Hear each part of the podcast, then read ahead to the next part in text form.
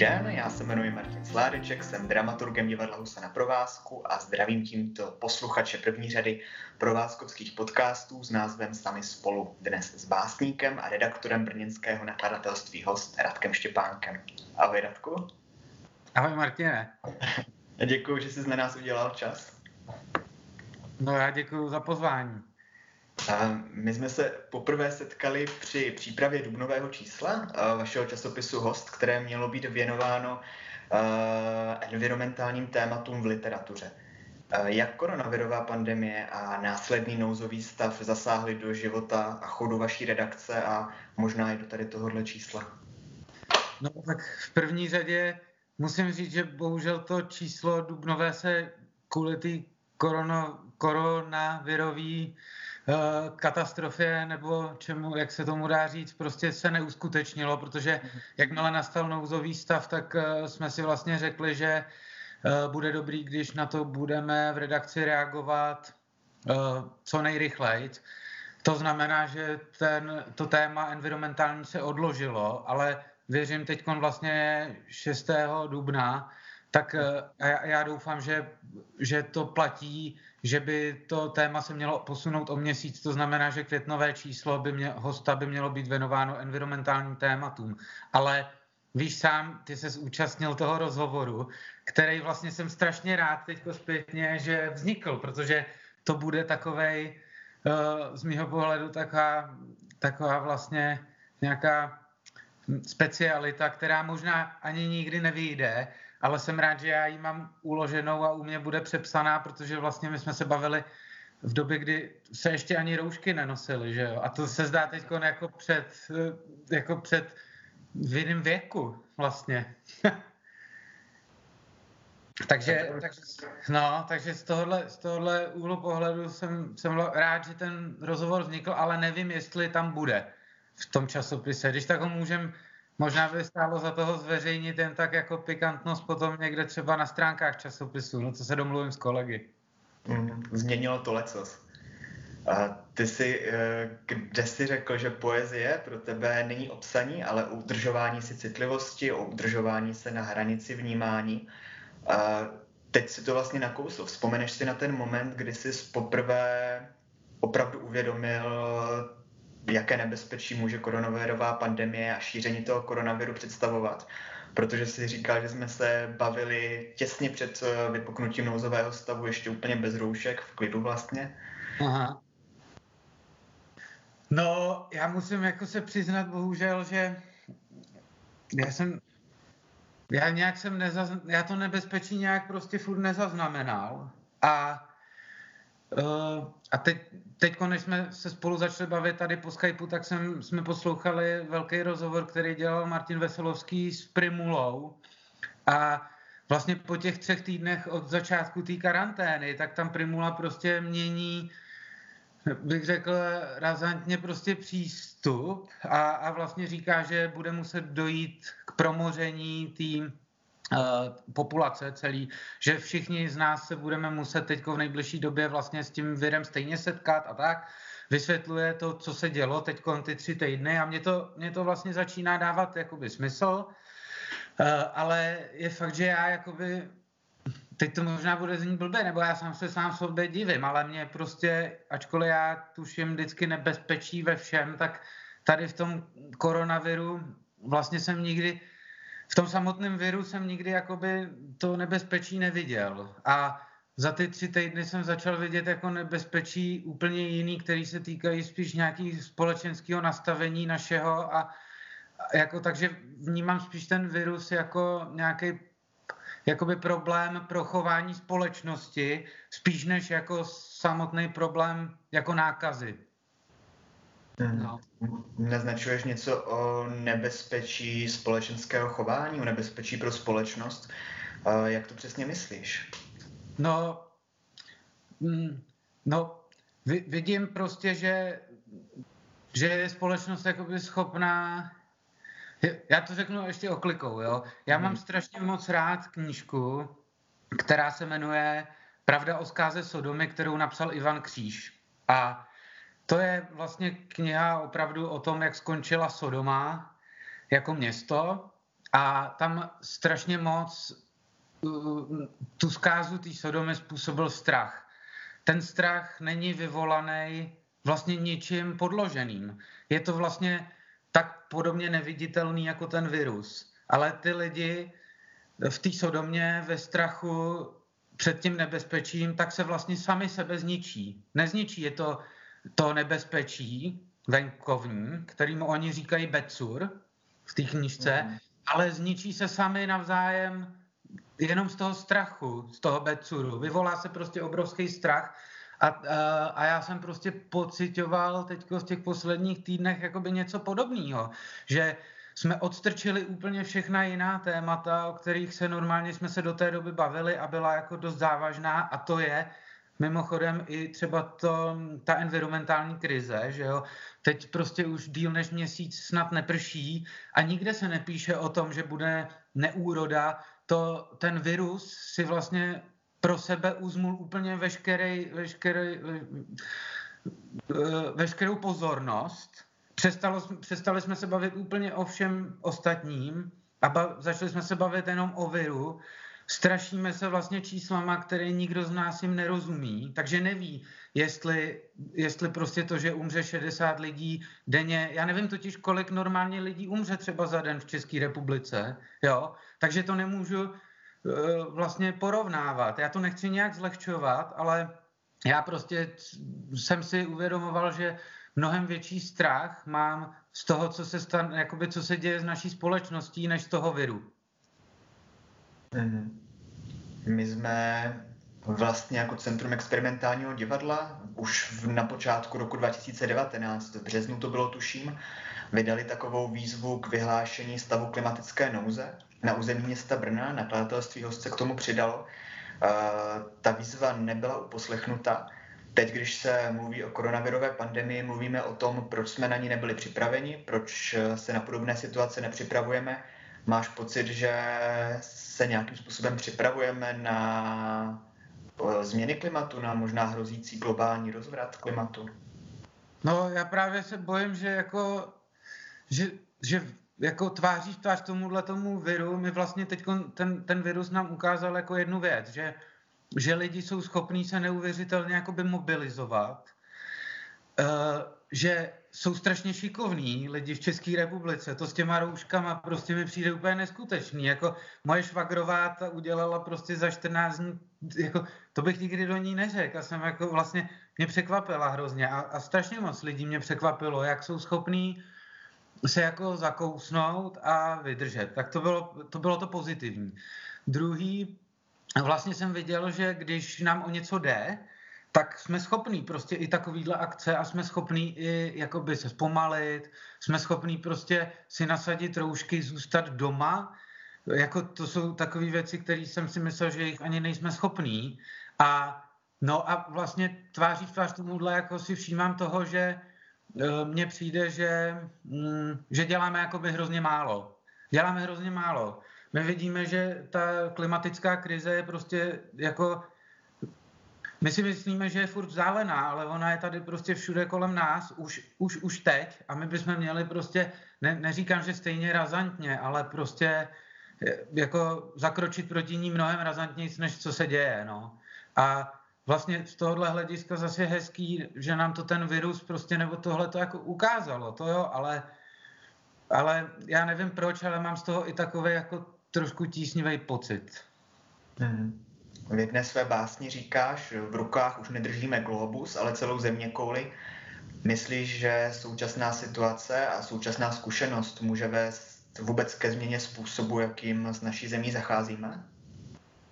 No já bych já bych si moc přál, aby to tak bylo. Jo.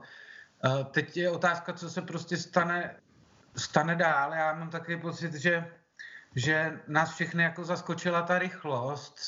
Jako, teď se mluví o nějaký proměně vlastně světa, o době po této pandemii, protože ta pandemie, že jo, poprvé byla uh, sledovaná jako vlastně online, že jo, to její šíření a tohle prostě po celém světě a tak, tak teď si musíme říct, jako, nebo jako co, co dál, že jo? Tak ukázalo se, že prostě tváří v tvář té krizi státy vlastně hájí svoje stanoviska víc než to, že by nějakým způsobem koordinovali ty vlastně ten postup, že jo. Evropská unie nějak to nekoordinuje, každý stát to koordinuje sám za sebe. Takže eh, může nám to prostě ukázat i, i, i to, jak, jak jakoby do budoucna, jestli vůbec jsme schopní prostě tváří v tvář nějaký takovýhle krizi, prostě spolu mluvit jako národy mezi sebou. No, spíš z tohohle jsem spíš zklamaný. Já si myslím, že pokud, pokud eh, a, a já si furt to myslím, že držíme už v rukách země kouly a ne jenom ten globus pomyslný, ale že prostě víme už, že svět jako někde začíná a někde končí a, a jako je to dost na nás, tak, tak si myslím, že, že bychom spíš měli jako se snažit o nějakou tu koordinaci těch celosvětových prostě pohybů. No. A, a to bohužel se neukázalo, že by to bylo funkční. Mm-hmm. Ty jsi kde si řekl taky, že současný svět a jeho klima se mění tak rychle, že už i 20-letý člověk se dostává do role pamětníka. Když by se zamyslel směrem do budoucna, jak bys chtěl jednou na tohleto období, které určitě pro některé lidi je těžké, pro některé tragické vzpomínat? To, to je strašně těžká otázka. No tak já určitě osobně na ní budu vzpomínat jako na chvíli, kdy no, já čekám prvního potomka, že jo, takže, takže období nějakého takového strachu, který jako třeba jsem nepoznal, protože, protože do té doby, protože mám strach prostě o, o manželku, mám strach prostě o to dítě, který ještě je jako, hm, že jo. Takže samozřejmě nikdo nevěděl, co ten virus ze začátku dělá, jak se to bude projevovat, kdo je ohrožený. Teď se bojím, jestli mě vůbec pustí k porodu, protože to zakázali jako vyvolává to strašně intenzivní otázky. Já si od, od začátku té karantény vedu deník nějaký, tak, tak no, ale jako já bych si přál strašně moc, aby jsme to vzali tohleto období jako nějakou inspiraci. Bylo to, nebo je to, jsou to intenzivní tři týdny, kdy jsme museli úplně brutálně přehodnotit jako všechno, že jo, my spolu komunikujeme prostě přes nějakou tady obrazovku, uh, já jsem v práci jsme nebyli, ale furt pracujeme. Eh, vlastně se to celé zastavilo, ale nezastavilo ten svět, že jo. Pro mě asi by bylo jednodušší, kdybych prostě mohl ty tři týdny někde spát a nabírat síly a fakt si číst a to se nedělo, prostě museli jsme pracovat i tak. Mm, doufám, že to v nakladatelství prostě přečkáme v pořádku, že i lidi budou nadále číst, ale vlastně i tohle to je pro mě osobně je to taková jako velká vlastně zkušenost, jo, protože to nakladatelství prostě je taková zvláštní jakoby věc, že jo? Na jednu stranu produkuje prostě knížky a, a tím pádem já bych jako teoreticky jako environmentalista měl chtít, aby jsme produkovali všeho, co nejmín, že jo? aby jsme se uskromnili. To znamená, že já bych teoreticky jako to měl jako vlastně to omezení té spotřeby. Na jednu stranu bych to měl hrozně vítat. To, že lidi přestávají jezdit letadlama, to, že se ten svět pomaluje, to, že cena benzínu prostě klesá, ne protože si to někdo jako jen tak usmysl, ale protože ten benzín nikdo nechce, protože nikdo ne, nikam nejezdí. Jo, to se prostě nestalo od 90. let, aby stál benzín 22 korun, že jo? A včera já jel kolem benzínky a stál benzín 22,90. No to prostě to si nepamatuju. Fakt to je nějaký jako, fakt je to divný. Ale na druhou stranu prostě, že jo, jsem nějak zaměstnaný, nechci, aby to úplně všechno zkrachovalo a přijde mi, přijde mi, že vlastně to, nás to zasáhlo jako hrozně rychle. Jo? Že za tři, za tři týdny musíme prostě úplně se přeskupit a přehodnotit všechny naše přístupy. No tak já vlastně nevím, jak bych chtěl, aby se na to vzpomínalo. Chtěl bych, aby jsme se z toho poučili, ale sám nevím, jestli, jakoby jak. To si ještě budeme muset všichni zhodnotit. Mm-hmm. Já jsem eh, se tě chtěl zeptat původně na otázku, jestli je pro básníka, protože my od divadla si to naivně myslíme, ten moment zastavení a izolace vlastně ideálním tvůrčím prostředím. ale z toho, co říkáš, vyplývá, že k takovému momentu vlastně i díky technologiím, které máme, za celou tu dobu nedošlo během těch tří týdnů. Je to tak? Vnímáš to tak, že jsme ten stav nepřijali jako výzvu k zastavení se, ale naopak, že jsme pokračovali ve stávajícím režimu? Mm, no jednoznačně. A je mi to jako vlastně líto, protože jsem četl mm, různé články, třeba myslím rozhovor s Tomášem Sedláčkem, který mi, s ekonomem, který mi přišel prostě strašně skvělý a on tam jakoby vyzýval k tomu, aby jsme to, že, že naše vlastně společen, společnost by byla schopná to ustát a ekonomika taky, jako uh, ustát to, že bychom si měli zvyknout na nějaký takovýhle výkyvy, na tyhle ty zastavení a uh, že jo, o, oni to porovnávali, přirovnávali to prostě k šabatu, kdy se vlastně úplně všechno prostě zastaví a je to takový, očiš, takový očišťující moment. No a já, i já ze svého úhlu pohledu bych byl jako hrozně rád, kdyby se to takhle jako bylo možné to takhle využít, ale vlastně celý ty tři týdny prostě pro mě tohle to nenastalo. Já pracuji, bych řekl, ještě víc než normálně, akorát pracuji s úplně jinýma prostředkama a úplně jinak než předtím. Je to všechno online, no to se mi nelíbí, já prostě proti tomu online jako vlastně trošku protestuju. Byl bych rád, kdyby se lidi vrátili jako k té podstatě. A teď vidím, že my vlastně místo toho, aby jsme se snažili k té podstatě jakoby nějak navrátit, tak dál děláme ty další a další, jakoby, dál se jakoby té podstatě jakoby vzdalujeme a, a prostě směřujeme se někam na internet, jsme závislí strašně teď na tom online prostoru. No, já bych byl radši, kdybychom se zastavili. Mm-hmm.